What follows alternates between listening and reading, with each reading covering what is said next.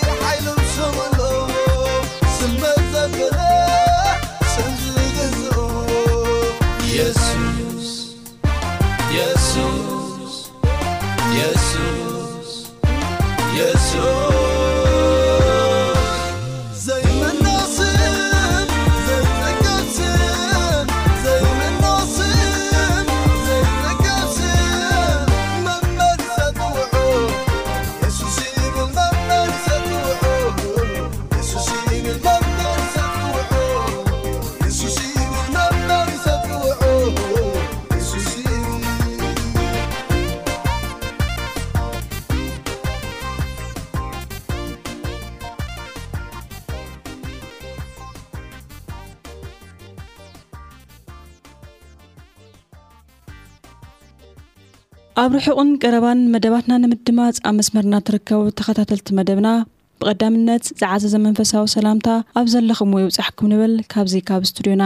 ብምቕጻል ንሎሚ ዝህልወና መደብ። መደብ ክፍለጥ ዘለዎ እዩ። ምሳና ጽንሑ ሰናይ ምክትታል።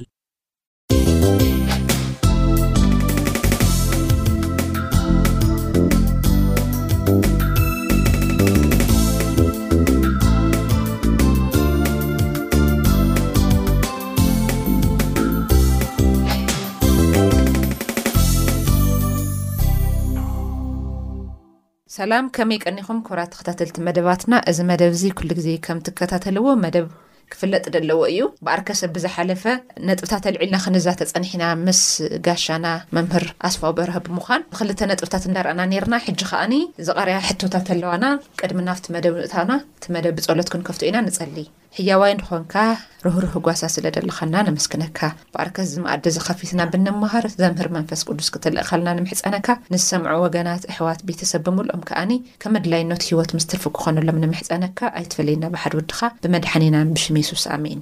ባርከት ከምቲ ድበልኩኹም እዚ መኣዲ እዚ ዘሰናዳእኹ ኣነ ሳሌም ምስ ክብር ጋሻና መምህር ኣስፋው በርሀ ብምዃን እዩ ሕጂ ናቱ መቐጸልታ ድኸውን ካልኣይ ክፋል ብዛዕባ ጸበል ዝብል ነጥብታት ብዝሓለፈ ጸበል እንታይ ማለት እዩ ልብል ርኢና ኔርና። መጽሓፍ መጽሓፍ ቅዱሳዊ ነገር ድዩ ከ ኣይኮነን እንታይ ደኣ ኣለዎ ልብል መንገድታት ካብ ብሉይ ኪዳን እስካብ ኣዲስ ኪዳን ዘለዉ ታሪካት እንዳልዐሉ መምህር ኣስፋው በርሀ ሓሳቦም ገሊጾምልና ኔሮም። ሕዚ ከኣኒ ብሕቶ ከነጀምር ኢና ምስ መላእክቲ ተታሒዙ ብምቅራብ ምክንያቱ እንታይ እዩ ለምሳሌ ሚካኤል፣ ገብርኤል፣ ፋኤል፣ ብዙሓት ናይ ሰማይ መላእኽቲ ሽማት ብምጥቃስ ጸበል ይጽበል፣ ከምዚ ዓይነት ስርዓት ይግበር፣ ድግስ ይድገስ እና ዋላ ተስታውሱ ኔርኩም ተኾይንኩም ኣብ ባቢሎን ብ ንሕዝቅኤል ወሲዶ ኣርእይዎ ረኣይዎ እቲ ህዝቢ ታይ ይገብር ከም ደልዩ ንኣይ ከናድዱስ ንሰሚራሚስ ኣምጥዑላ ኣንስተን ዕንጨይቲ የዳልያ ኣጉባዛት ከኣኒ ካብ ከረን ዕንጨይቲ ኣርዮም የምጽኦ ኣለዉ ረኣ ኢልዎ ኣብ ኣደባባያት ቤተ መቅደስ ወሲዱ ክርእ እንከሎ ንጸሓይ ገጾም ደኒኖም ይሰግዱ ግን ኾነ ኢሎም ንናይ ጸሓይ ንግስቲ ይሰግዱ ኔሮም እና ምስ ኸምዚ ዓይነት ልተተሓዘ ድዩ ሚካኤል ልብል ትኽክለኛ ሓለቓ ሚካኤል ድዩ ልምለኸሉ ደሎ ወይስ ዓለም ኮነ ኢላ ለመሓላለፈቶ ናይ ባዕላ ስርዓት እዩ ምኽንያቱ ሎሚ ህዝብና ይፍለጥ ኣይፍለጥ ካብ ኣምላኽ ርሒቑ እዩ ኣገልግሎት ለገልግል ቀደም ኣህዛብ ኾነ እስራኤላውያን ከምዚ ዓይነት ስርዓት ዝገብሩ ነይሮም። ኣብቲ ቅዱስ ከተማ ኣብቲ ቅዱስ ስንዳይ ቆምጢዖም ኣዳልዮም ናብ ቤተ መቕደስ ሒዞም ከይዶም ሕቖኦም ንእግዚኣብሔር ሂቦም ገጹ እዛ ንግስቲ ጸሓይ ይሰግዱ ከም ዝነበሩ ብዙሓት ናይ መጽሓፍ ቅዱስ መርትዖታት ኣለውና። ኣብ መላእ ዓለም ሽማ እንዳቐየረት ትምለኽ እያ እና ምስዚ ናይ ሰማይ መላእኽትታት ሽመ እናተሓሓዝካ ምምላኽ ልብልዎ ነገራት እንታይ ዓይነት መብራህሪ ካበይ ኣምፂኦምዎ ልብል ሕፅር ልበለ መልክ ክተቕርብልና ን እወ እሱ እዩ ብዛዕባ መላእኽቲ ክንርኢ ከለና ኣብ መጽሓፍ ቅዱስ ብኸመይ እዮም ቀሪቦም ዘለዉ እስኪ ሓደ ጥቕሲ ከነብብ እሞ ራእይ ዮሃንስ ምዕራፍ ዓሰርተ ትሽዓተ ትሽዓተ ኢሎ በልኩሞ ዓሰርተ ክልተ ፍዕል ይመስለኒ ኣነ ድማ ነቲ መልኣኽ ክሰግደሉ ኣነ ድማ ነቲ መልኣኽ ክሰግደሉ ኣብ ትሕቲ ኣእጋሩ ወደቕኩ ንሱ ግና ሕደግ ከምኡ ኣይትግበር ኣነ እውን ከማኻን ከምቶም ናይ ኢየሱስ ምስክርነት ዝሕልዉ ኣሕዋትካን ኣገልጋሊ እየ ንእግዚኣብሔር ደኣ ስገድ ነቲ ናይ ኢየሱስ ክርስቶስ ናይ ትንቢት መንፈስ፣ እቲ ናይ ኢየሱስ ክርስቶስ ናይ ትንቢት መንፈስ እዩ እሞ በለኒ። ኣብዚ እንታይ ኢና ንርኢ ዘለና? ኣብዚ ዝዛረብ ዘሎ ወንጌላዊ ዮውሃንስ እዩ ወይ ሃዋርያ ዮውሃንስ እዩ። እቲ መልኣኽ ነዚ ድንቂ ነገር ምስ ገለጸሉ ክሰግደሉ ኢለ ኣብ እግሩ ወደቕኩ ይብል። እቲ መልኣኽ ግን እንታይ ኢልዎ? ኣይትስገደለይ ግደፍ። ነቲ ሓደ ፈጣሪ ጥራህ ስገድ ኢልዎ። መላእኽቲ ካብ እግዚኣብሄር ናባና ዝመልእኽቲ እግዚኣብሄር ዝልእኾም ናይ እግዚኣብሄር ኣገልገልቲ እዮም። እወ ተላእኽቲ መልእኽተኛታት ክንብል ከለና ካብ እግዚኣብሄር ናባና እዮም መልእኽቲ ዘምፁ እምበሪ ንሕና በቶም መላእኽቲ ጌርና ናብ እግዚኣብሄር መልእኽቲ ክንልእኽ ኣይንኽእልን ኢና። እወ ናህና መልእኽተኛታት ክኾኑ ኣይክእሉን እዮም። ነቲ ንሕና እንገብሮ ነገር እውን ብውነ ተረዲኦም ኣብ ክንዳና ኮይኖም ክጽልዩ እውን ኣይክእሉን እዮም። ስለዚ እቲ ናይቶም መላእኽቲ ቀንዲ ዕማም እንታይ እዩ? ኣብ ቅድሚ እግዚኣብሔር ዝነብሩ ህያዋን ኣገልገልቲ እዮም። ኣብ ዘድሊ ግዜ ከኣ እግዚኣብሔር ናብ ምድሪ ይልእኾም። እዚ እዩ መልኣኽ። እምበር ኣብ መጽሓፍ ቅዱስ ብምሉእ ከነንብብ ከለና ካብ ሰብ ናብ ፈጣሪ መልእኽቲ ዘባጻጽሕ መልኣኽ የለን። ጸባና ዝሰምዕ፣ ንዓና ዘብል፣ ዝድንግጸልና ዝርሕርሓና ይኹን ዝቁጥዓና መልኣኽ የለን ስለዚ እቶም መላእኽቲ ኣብ ሰማይ ምስ እግዚኣብሄር ይነብሩ እግዚኣብሄር ዝሃቦም መልእኽቲ ከም ኣድላይነቱ ከኣ ናብ ፍጡራት ናብ ደቂ ሰባት የብጽሑ እዚ እዩ ብዛዕባ መላእኽቲ ንኣብነት ክንልእ ከለና እቲ ስማት እውን ንኸምኡ ዝገልጽ እዩ ገብሪኤል ማለት ናይ ኤል ናይ እግዚኣብሄር ኣገልጋሊ ልኡኽ ማለት እዩ ሚካኤል ክንርኢ ከለና ከኣ መን ከም እግዚኣብሄር ኣብ መጽሓፍ ቅዱስ ክንርኢ ከለና ሚካኤል ናይ ክርስቶስ ካልእ ስም እዩ። ብርግጽ ኣብዚ ንሕና ኣብ መጽሓፍ ቅዱስ ተመራሚርና ክንፈልጦን ክንበጽሖን እንኽእልን ዘይንኽእልን ነገራት ኣሎ። ካብ ኣእምሮና ንላዕሊ ዝኾነ ነገራት ኣሎ። ንሕና ፍጡራት ሰባት ኢና። ተመራሚርና ክንዲ ንደልዮ ተመራሚርና ነቲ ባህሪ ናይ ፈጣሪና ሙሉ ሙሉ ክንርድኦ ኣይንኽእልን ኢና። ካብ ኣእምሮና ንላዕሊ እዩ። ደቂ ሰባት ግን ንርእስና ልዕል ብምባል ብዛዕባ እግዚኣብሔር፣ ብዛዕባ ኣቦ፣ ወዲ፣ ብዛዕባ መንፈስ ቅዱስ፣ ብዛዕባ መላእኽቲ ምሉእ ብምሉእ ከም ንፈልጥ መሲልና ክንርእ ንኽእል ኢና። ግን ምሉእ ብምሉእ ኣይንፈልጥን ኢና። ሙሴ እንታይ እዩ ዝበሎም ነቶም እስራኤላውያን ኣብ ዘዳግም 29 29 እዚ እተገለጸ ነገር ንዓናን ንደቅናን እዩ። እቲ ምስጢር ግን ናይ እግዚኣብሔር እዩ። ሙሴ እውን በቲ ዅሉ ዝነበሮ ተወፋይነት ንዅሉ ምስጢር እግዚኣብሄር ኪፈልጥ ዚኽእል ሰብ ኣይነበረን። ነቶም ተኸተልቱ እውን እዚ እዩ ዘስተምሃሮም። ስለዚ፣ እዚ ባህርያት ናይቶም ርቕቕ ዝበሉ ናይ መላእኽቲ ይኹን ናይ እግዚኣብሄር ባህርይ ንሕና ኣብዚ ናህና ውሱን ኣእምሮ ኣእቲና ክንፈትሖ፣ ክንኣስሮ፣ ክንቋጽሮ እንኽእል፣ ክንምርምሮ እንኽእል ነገር ኣይኮነን። ስለዚ ንሕና ከም ሰባት ትሕት ኢልና ነቲ ካብ ኣእምሮና ንላዕሊ ዝኾነ ነቲ። ፈጣሪ ኩሉ ገዲፍና በቲ ክንርድኦን ክንፈልጦን ንኽእል ክንመላለስ ዝግበኣና። ከምቲ ቅድም ኢለ ዝበልክዎ ኣብቲ ናይ ቀዳማይ ሕቶ ናብዚ ናይ ትኽክለኛ ናይ መጽሓፍ ቅዱስ ቤተ ክርስቲያን ናብታ ክርስቶስ ዘጣየሳ ሃዋርያት ዝሃነጽዋ ቤተ ክርስቲያን ብድሕሪ ሃዋርያት ብዙሕ ዝኣተወ ናይ ኣረማውያን ልምድን ባህልን ኣሎ ዘይመጽሓፍ ቅዱሳዊ ማለት እዩ። ስለዚ ንሕና እንታይ እዩ ክንገብር ዝግብኣና? እግዚኣብሄር ኣእምሮ ሂቡና ኣሎ። በቲ እግዚኣብሄር ዝሃበና ኣእምሮ እቲ ኣብ መጽሓፍ ቅዱስ ዘሎን ካብ መጽሓፍ ቅዱስ ወጻኢ ዝኾነን ፈላሊና ክንርእን ክንፍልጥን ይግብኣና። እቲ ክንምርሓሉ እንኽእል እቲ መጽሓፍ ቅዱሳዊ መንፈሳዊ ሓቂ ዝኾነ እዩ። ነቲ ክንርድኦ እንኽእል ብቐሊሉ ንርድኦ፣ ነቲ ቁሩብ ክኸብደና ዝኽእል ከኣ ንእግዚኣብሄር ዝያዳ ከብርሃልና ንሓቶ። ካብዚ ወጻኢ ግን ናብ እንዳ ኣከለ ናብ እንዳ እከሊት ንኸደሉ ምኽንያት የለን። ስለዚ በዓል ጾም ይበሃል። ንኣብነት እዚ ጾማት ክንርኢ ከለና ኣብዚ እተፈላለየ መበገሲ ኣለዎ። እዚ ጾመ ታሕሳስ እንብሎ ቅድሚ ልደት ዘሎ ጾም ነቶም ቅድሚ ክርስቶስ ዝነበሩ ኣመንቲ ንምዝካር ክሳዕ ልደት ክርስቶስ ዝግበር ጾም እዩ ጾመ ታሕሳስ ንብሎ እቲ ዓብዪ ጾም ዝበሃል ጾመ ኣርብዓ ሕጂ ክንሪኦ ከለና ኣብ ትግርኛና እውን ስሙ ኣይለቐቐን ጾመ ኣርብዓ መዓልቲ ይበሃል እቲ ዝጽወም ግን ኣርብዓ መዓልቲ ኣይኮነን ሐዚ ክንርኢ ከለና ኣብዚ ናይ ኦርቶዶክስ እምነት ሓንቲ ሰሙን ኣቀዲሞም ሓንቲ ሰሙን ከኣ ብድሕሪት ወሲኾም ኣለዉ ብሓፈሻ እቲ መዓልቲ ናይ ጾም ዝበሃል ሓምሳን ሓሙሽተን መዓልቲ ይኸውን ማለት እዩ እዛ ቀዳመይቲ ሰሙን ብኸመይ እያ እንታይ እያ እንተልና ኣብዚ ሃገር ንጉስ ህርቃን ዝበሃል ነይሩ እዚ ንጉስ ህርቃን ኣብቲ ዝገብሮ ነበረ ግጥማት ኩናት ምስላ ስለ ዝኣበዮ ነቲ ህዝቢ ንሓደ ሰሙን ዝኸውን ጽሙለይ ጸልዩለይ ኢሉ ንዕኡ ብጾምን ጸሎትን ንሰሙን ተጀሚራ ስለዚ እታ ሰሙን ኣብተን ኣርብዓ ተጣቢቓ ከም ኣካል ናይቲ ጾም ኣርብዓ ኮይና ከም ልምቲ ኮይና ትውሰድ ኣላ። ሕዚ እቲ ንጉስ የለን ሓሊፉ እዩ እቲ እተጾመሉ ውራይ እውን ምስኡ ኣብቂዑ እዩ ሕዚ ግን ከምዚ ዝኣመሰለ ብውነ ተመራሚርካ ንኸምዚ ዝኣመሰለ ዕላማ እጸውም ኣለኹ ኢልካ ክትጸውም ጽቡቕ እዩ ስለ ዝጸንሐኡ ከለዉ ምጻም ግን ተወሳኺ እዩ ዝኸውን ንኣብነት ሕዚ ኣብዚ ክንርኢ ከለና ኣብቲ ናይ ጾም ኣርብዓ ዝበሃል ኣብቶም ካቶሊኽን ኣብ ኦርቶዶክስን ፍልልይ ኣሎ እቶም ናይ ካቶሊክ እምነት ተኸተልቲ ሓደ ሰሙን ድሕሪ ኦርቶዶክስ እዮም ነቲ ጾም ዝጅምርዎ። እታ ናይ ጾመ ሃርቃን ትብል ኣይጾምዋን እዮም ምኽንያቱ መበገሲ ናይቲ ሃይማኖት ኣውሮጳዊ ስለ ዝኾነ ማለት እዩ ምስዚ ናይ ሓበሻ ስለ ዘይተሓዝ ስለዚ እዛ ሓንቲ ሰሙን ኣብታ ኣርብዓ ተለጢፋ ዘላ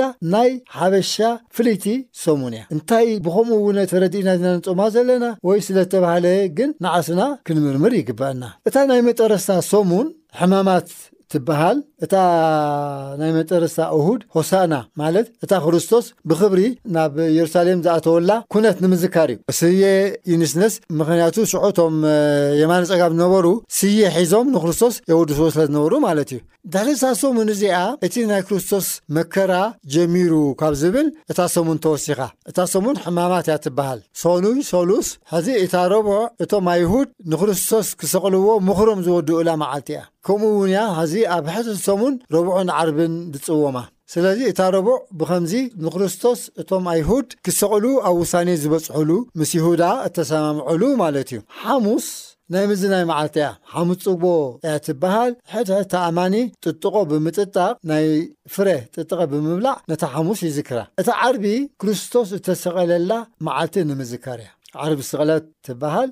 ብዙሕ ሰብ ጸይሙላ ይውዕል። ኣብዚ ሕዚ ክንርኢ ከለና እዚ ጾም ዝብል ኣብ ናይ እስክንድርያ ጉባኤ ዝቐረበ ሓሳብ እዩ። ድሕሪ ክርስቶስ ድሕሪ ሃዋርያት ማለት እዩ። ንኣብነት ሕዚ ኩሉ ዝበዓል በዓላት ክንሪኦ ከለና እታ መዓልቲ ዘይኮነሲ እታ ዕለት እያ ትበዓል። ንኣብነት ናይ ሓደ ሰብ ልደት ዓመት ዓመት ሰኑይ ተውዒላ ንዓመታ ሰሉስ ረቡዕ ክትውዕል ትኽእል እያ ኣብ ዝኾነ ናይተን መዓልት ሰሙን ክትውዕል ትኽእል እያ እዞም ን ናይ ስቅለትን ትንሳኤን ናይ ፋሲካን ክዝክሩ ዝደለዩ ሰባት ግና ስቅለት ኩሉ ሳዕ ዓርቢ ክትውዕል ትንሳኤኻ ኩሉ ሳዕ ፋሲካ ክትውዕል ብምሕሳብ ኣብ ተፈላለየ መዓልታት ኮይኑ ዓርቢ ዓርቢ ስቅለት ክትውዕል ጌሮም ክርስቶስ ግን ብኸምዚ መገዲ ንስቅለቱ ክንዝክር ኣይመሃረናን። ክርስቶስ ስቕለቱ ትንሳኤኡ ብፍሉይ ከነብዕል ክንዝክር ኣይሃበናን። ብሓፈሻ እቲ ክርስቶስ ክንዝክሮ ዝሃበና እቲ ድራር ጎይታ እንብሎ ስርዓት እዩ። ነቶም ሃዋርያት ኣብ ቀቅድሚ ምትሓዙ ወይንን ሕብስትን ሂብዎም እዚ ብልዑ ዝስተዩ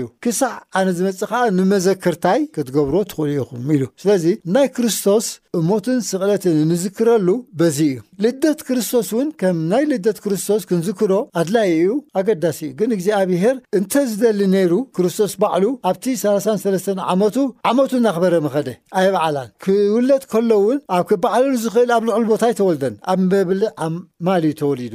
ስለዚ ንክርስቶስ በቲ ስርሑን በቲ ሕይወቱን ብግብሩን ደኣ እምበሪ ንመዓልቲ ብምኽባርን ብምብዓልን ክንዝክሮ ኣይደለየን። ከምኡ ተዝደሊ ነይሩ ከምቲ ኣብ ኣር ኦሪት ኣብ ኣይሁድ ብዙሕ በዓላት ነይርዎም እዩ። ንኣብነት ነታ ካብ ሃገረ ግብጺ ዝወጹላ መዓልቲ ብሰሙን ይዝክርዋ ነይሮም እዮም። ስለዚ ንሓንቲ ፍልይቲ መዓልቲ ክትዝክር ተደሊኻ ኣብ ሰሙን ገይርካ ነታ ፍልይቲ መዓልቲ ክትዝክረላ ትኽእል ኣጋጣሚ ኣሎ። ስለዚ እዚ ግን ደሓር ዝመጸን ሰብ ሰርሖን እዩ። እግዚኣብሄር እታ ቐንዲ ዝሃበና ትእዛዝ እንታይ እያ? ሽዱሽተ መዓልቲ ዕየ፣ ተግባርካ ኩሉ ኸኣ ግበር፣ እታ ሻብዓይቲ መዓልቲ ግን ንፈጣሪኻ ትዝክረላ፣ ብዘይካ እዚኣ ንዝኾነ ይኹን ካልእ በዓል ሰብ ዕዳ ክህልዎ ኣይግብኦን እዩ። ስለዚ እቲ በዓል ክበሃል ከሎ ካብ ስራሕካ ትቦኽረሉ፣ ኮፍ ኢልካ ትውዕለሉ፣ እዝንትን ትገብረሉ ወይ ናብ ዘየድሊ ቦታ ትኸደሉ ክኸውን ኣይግብኦን እዩ። ስለዚ እቲ ናይ መነባብሮና ቀንዲ ሕመረት እንታይ እዩ? እተን ናይ ሸውዓተ መዓልቲ ዓንኬል እዩ። ሽዱሽተ መዓልቲ ንሰርሕ። ነቲ ዝሰራሕናዮ ኩሉ ሕሳብ ኣወራሪድና ኣብታ ሻብዓይቲ መዓልቲ ንሕናን ምስ ኩሉ ኣብ ውሽጢ ቤትናን ዝርከብ ፍጡር ንእግዚኣብሄር ነመስግን። ብማዕረ ደረጃ፣ እንስሳ፣ ገረድ፣ ውሉድ፣ ሰብኣይ፣ ሰበይቲ፣ ኩሉ ብማዕረ ደረጃ ንፈጣሪኡ ዝዝክረላን ዘኽብረላን መዓልቲ እዩ እግዚኣብሄር ሰሪዑ። ካብዚ ወፃኢ ግን እዚ ግበሩ፣ እዚ ኣይተብዕሉ፣ እዚ ብልዑ፣ እዚ ስተዩ ዝብል ካልእ ፍሉይ ትእዛዝ ብፍላይ ኣብ ሓድሽ ኪዳን ማለት እዩ። ስለዚ ኣብዚ ክንሪኦ ከለና እዚ በዓላት ደሓር ናብ ቤተክርስትያን ዝኣተወ ነገራት በብእዋኑ ናብ ቤተክርስትያን ዝኣተወን ዝረዓመን እዋናት እዩ ክንሪኦ ከለና። ምስቲ መጽሓፍ ቅዱስ ምትሓዝ የብሉን። ናይ መላእኽቲ ሽም ዝጠቕሱ ዶ ኣለዉ? ኮነ ኢልካ መጽሓፍ ቅዱሳዊ። እወ፣ ነቲ ናይ መጽሓፍ ቅዱስ ንምጥማም እዩ። ንኣብነት ካብ ቆልዓ ኣትሒዘ ዝሰምዖ ዝነበርኩ ጳጉሜ ሰለስተ ሩፋኤል ይበዓል። ሐዚ እቲ ባህሊ እቲ ያታ እንታይ እዩ? ሩፋኤል ናይ በሪ ንመንግስተ ሰማያት ዘብዐኛ እዩ ይብል። ስለዚ ኣብዛ መዓልቲ እዚኣ ናቱ መዓልቲ ስለ ዝኾነት ዕረፍቲ እዩ። ስለዚ ኣብዛ መዓልቲ እዚኣ ዝሞተ ሰብ ቀጥታ ናብ መንግስቲ እግዚኣብሔር ይኣቱ ዝብል የታዊ ኣበሃህላ ኣሎ። ንእግዚኣብሔር ግን ከነጨርብሮ ከነታልሎ ኣይንኽእልን ኢና። መጀመርታ ሰብ ሽዑ ምስ ሞተ ኣይኮነን ናብ መንግስተ ሰማይ ወይ ናብ ገሃነም እሳት ዝኣቱ ኣብ መቓብር እዩ ዝጸንሕ። ስለዚ ከነዐሽዎ ገዓት ቂዒትና ወይ ግዛዕ ኣጋቢልና ኣሐጒስና ኣታሊልናዮ ናብ መንግስተ ሰማያት ክንኣቱ እንኽእል ዘብዐኛ እውን የለን። ስለዚ እቲ እዚ ድሓር ዝመጸ ሰብ ሰርሖ ነገራት እዩ። እታ ቅንዕቲ መገዲ ጥራይ ክንክተል ይግብኣና። ናብ መንግስቲ ሰማይ እተእቱ መገዲ ክርስቶስ እንታይ ኢሉ ኣነ መገድን ሓቅን ህይወትን እየ። ንክርስቶስን ነቲ ክርስቶስ ዝበሃሎ ብእውነ ብምምሃርን ብምቕባልን ኢና ናብ መንግስተ ሰማያት ክንጎዓዝ እንኽእል እምበር ካልእ ዝኾነ ይኹን ሜላ ዝኾነ ይኹን እታሽሙ ብዝሒ ገንዘብ ይኹን ብዝሒ ህያብ ይኹን ናብ መንግስተ ሰማያት ኣየእትወናን እዩ። ክንህብ እንተኾይንና እውን ብዙሓት ሰባት ሕዚ ንዝኾነ ሰብ ዝለመነ ቅርሺ ብምሃብ ንመንግስቲ ሰማያት ክንኣቱ ኢና ዝብል እምነት ኣሎ። ክርስቶስ ንሰባት ኣብ መሬት ከሎ ይሕግዝ ነይሩ እዩ። ካብ ምንታይ ተበጊሱ እዩ ዝሕግዝ ዝነበረ? ካብ ለውሃት፣ ካብ ሓልዮት፣ ካብ ሕያውነት። ንሕና እውን ክንሕግዝ እንተኾይንና ንተጸገመ ሰብ ኢና ልብና እንተነኪእና ኢና ሕጊ ዝግበኣና እምበር ስቅ ኢልካ ምዝርዛር ማለት ኣይኮነን እሺ። ስለዚ መምህር ይገልጾ ከም ዝጸንሕ ምስዚ ናይ ሰማይ መላእኽቲ ወይ ደሞ ለተሓዝ ነገር የውሊ ዓለም ኮነ ኢላ ባዕላ ለቅመጠቶ ድሕሪ ትክክለኛ ቤተክርስትያን ምስረታ ናይ ሃዋርያት ቤተክርስትያን ዝመስረትዎ ድሕሪኡ ዝተልዓለ ኮነ ኢልካ ቤተክርስትያን ንምርሳሕ ዝተልዓለ ሓሳብ ከም ድኮነ ናይ ታሪክ መርትዖታት ዝተፈላለዩ ሓሳባት እንዳ ገለጸ ነይሩ ስለዚ ድሕሪኡ እዚ ንጉስ ንሱ ከምኡ ኢሉ ጸልዩ ኢልዎም እምበር ይምለክ ድዪ ኣይምለክ ኢደሎ ልፈልጦ ነገር የውሊ። ስለዚ ንሕና ኣብ ሰባት ልሰርሕዎ ሓሳባት ኢና ዕንክሊል ንውዕል ደለና እቲ እግዚኣብሔር ዝወሎ ግን ንእኡን ንኡን ጥራሕ ክንሰግድ ክነገልግል ብእምነት ክንቐርቦ እዩ ኣብዚ ናይ መጨረሻ ሓሳብ ክስካብ ክንደይ ሓቅነት ተለዎ ሰባት ተፈዊስና ይብሉ ይፍወሱ ድዮም ኣብቲ ጸበል ንሱ ወይ ደሞ ዝመልኣኽ ዝጸውዒና ሃምዚ ጌርናስ ኣውጺሒለይ ሰሚዕኒ ከምዚ ገይሩኒ ገለ ይብሉና ዓለም ብዝተፈላለይ ምትላል እያ ተታሒዛ ደላና እንታይ ዓይነት መብራርህ ትብሉ ንዝኸ። እወ ኣብዚ ውን ንሕና ሰብ ተፈዊሱ ኣይተፈውሱን ኢልና ኣብ ፍርዲ ክንኣቱ ስልጣን የብልናን። በብደረጅኡ ሰብ ክሓዊ ይኽእል እዩ። እቲ ናይቲ ሰብ ውሽጣዊ ናይ እምነት ኩነታት ምስ ፈጣሪኡ ዘለዎ ርክብ ንሕና ኣይንፈልጥን ኢና፣ ክርድኣና ኣይክእልን እዩ። እግዚኣብሄር ነቲ ግርህነትናን ነቲ ዕሽነትናን ብምርኣይ ናይ ልብና ድሌት ብምርኣይ ብዝኾነ ይኹን መገዲ መጺኡና ክፍውሰና ይኽእል እዩ። እታ ሓንቲ ክንሰብህለላ ክንዕዘባ ዝግብኣና ነገር ግን ዝኾነ ይኹን መልኣኽ ወይ ቅዱስ ንብሎ ፍሉይ ቦታ ቅዱስ ቦታ ዘድሕን ቦታ ፍሉይ ማይ ዘድሕን ማይ ዝብሃል ነገር የለን። ኩሉ ማይ ኣብ ኩሉ ቦታ ዘሎ ሓደ እዩ ኩሉ ቦታ ከኣ ሓደ እዩ ሐዚ ፍሉይ እግዚኣብሔር ወይ ናይ ፍሉይ እቲ ናይ ሓደ መልኣኽ ፍሉይ ቦታ እዩ ኢልካ ብፍላይ ኣብኡ ከድካ ምጽላይ ምንባል ኣድላይ ኣይኮነን እግዚኣብሔር ኣብቲ ዘዘለናዮ ቦታ በበቲ መገድና እንተጽሊና ክሰምዓና ይኽእል እዩ እወ ቅድሚ ሕጂ ግን መምህረይ እስራኤል ከተማታት ኣብ ሴሌሆም ዝበሃል ማይ ከድካ ተሓጸብ ኢልዎ ተሓጺቡ ተፈዊሱ ኣብ ዮርዳኖስ ማይ ኤልስኣ ዝኣዘዞ ንእማን ንጉስ እዚ ማይ ንሱ ታይ ኔርዎ ገልኣድ ሕጂ ካብ መላእ ዓለም እንዳተኣከቡ እንዳከዱ ቆጽሊ ተቀሚሙ መድሓኒት ይብሃዎም ኔሩና እዚኦም ከ እንታይ እዮም መልሶም። እወ እቲ ግዜ ክንሪኦ ከለና ኣብ ብሉይ ኪዳንን ኣብ ሓድሽ ኪዳንን ቁሩብ ፍልይ ፍልይ ዝበለ እዩ እቲ ብሉይ ክዳን ንደቂ እስራኤል መራሒኦም እግዚኣብሔር እዩ ነይሩ ስለዚ ምስቲ ዝነበረ ኩነታት ክፍወሱሉ ከብሉ ዝኽእሉ ማይ ነይሩ እዩ ክርስቶስ እውን ነቲ መጻጉእ ሰላሳን ሸሞንተን ዓመት ተደኒሱ ዝነበረ ኣብቲ ቅዱስ ማይ እዩ ከሕዊ ክእል እተባህለ ማይ እዩ ረኺብዎ ስለዚ ክትሓዊ ዶ ትደሊ ኢኻ ምስ በሎ ወይ ኢሉ ምንም ዋጢጥ ኣይፈለገን ተስእ ዓራትካ ኣልዒልካ ኺድ ኢልዎ ሓዊኡ ኸኣ ዓራቱ ኣልዒሉ ኸይዱ ማለት እዩ። እቲ ሰብኣይ ተስፋ ብዝቖርጸሉ ግዜ እዩ ክርስቶስ መጺኡ። ስለዚ ኣብ ግዜ ኦሪት ፍሉይ ቦታታት ኣይነበረን ክንብል ኣይንኽእልን ኢና። እግዚኣብሄር ግን ኣብኡ እተወሰነ ኣይኰነን። ስለዚ እቲ ፍሉይ ቦታታት ብፍሉይ መገዲ ንሰባት የድሕኖም ነይሩ፣ እዚ ግሉጽ እዩ። ሐዚ ግን እንታይ እዩ ክርስቶስ ምስታ ሳምራዊት ሰበይቲ ኣብ ወንጌል ዮሃንስ ከዘራረብ ከሎ እንታይ ኢልዋ እወ ንሕና እቶም ኣይሁድ ኣብ የሩሳሌም ጥራይ ይብሉ ምስ በለቶ ግዜ ክመጽእ እዩ ንእግዚኣብሔር ኣብ የሩሳሌም ይኹን ኣብ ሰማርያ ኣብ ፍሉይ ቦታ ዘይተምልኹሉ እግዚኣብሔር መንፈስ እዩ እቶም ዘምልኹዋ ብሓቅን ብመንፈስን ከምልኹዎ ይግባእ ስለዚ ኣብዚ ግዜ እዚ ኣብቲ ክርስቶስ ዝበሎ ኢና ንነብር ዘለና ነቲ መንፈስ ዝኾነ እግዚኣብሔር ብሓቅን ብመንፈስን እነገልግለሉ ግዜን እዋንን እዩ ነዚ ከኣ ግዜ ኣይድርቶን እዩ ቦታ ኣይድርቶን እዩ ሃዋርያ ጳውሎስ ኣብቲ ዝሓለፈ ሰንበት ትምህርቲ ከም ተምሃርናዮ ነቶም ኣብ ኣሪስፋጎስ ዝነበሩ ከምኡ ኢልዎም እቲ ንኩሉ ዝፈጠረ ኣብ ኢድ ሰብ ኣብ ተሰርሐ ገዛ ኣይሓድርን እዩ እዩ ስለዚ ህላወ እግዚኣብሔር መንፈስ እግዚኣብሔር ኣብ ኩሉ ኣሎ እቲ ልብና ናብኡ ተቕኒዕናዮ እግዚኣብሔር ኣብ ዝኾነ ይኹን ቦታ ኮይንና ምስ ንጽሊ ከዳምጸና ጸሎትና ክምልስ ይኽእል እዩ ስለዚ ብፍላይ ኣብዚ ናይ ሓድሽ ክዳን ክንሪኦ ከለና ክርስቶስ ከም ሰብ ኣብ ፍሉይ ቦታታት እዩ ኣብ ማእኸላይ ምብራቕ ኣብዚ ሕጂ ፓለስጣይን ዝበሃል ዘሎን ከባቢኡን እዩ ዝመላለስ ነይሩ ነዚ ካልእ ኩሉ ቦታታት ኣይበጽሖን ግን እቶም ሃዋርያት ብመንፈስ ቅዱስ ንኩሉ ዓለም እቲ ወንጌል ዘርጊሖሞ ንርኢ ኣለና እሞ ንእግዚኣብሄር ኣይንወስኖ ውሱን ኣይኮነን እግዚኣብሄር ኣብዚኣ ጥራይ ዘሎ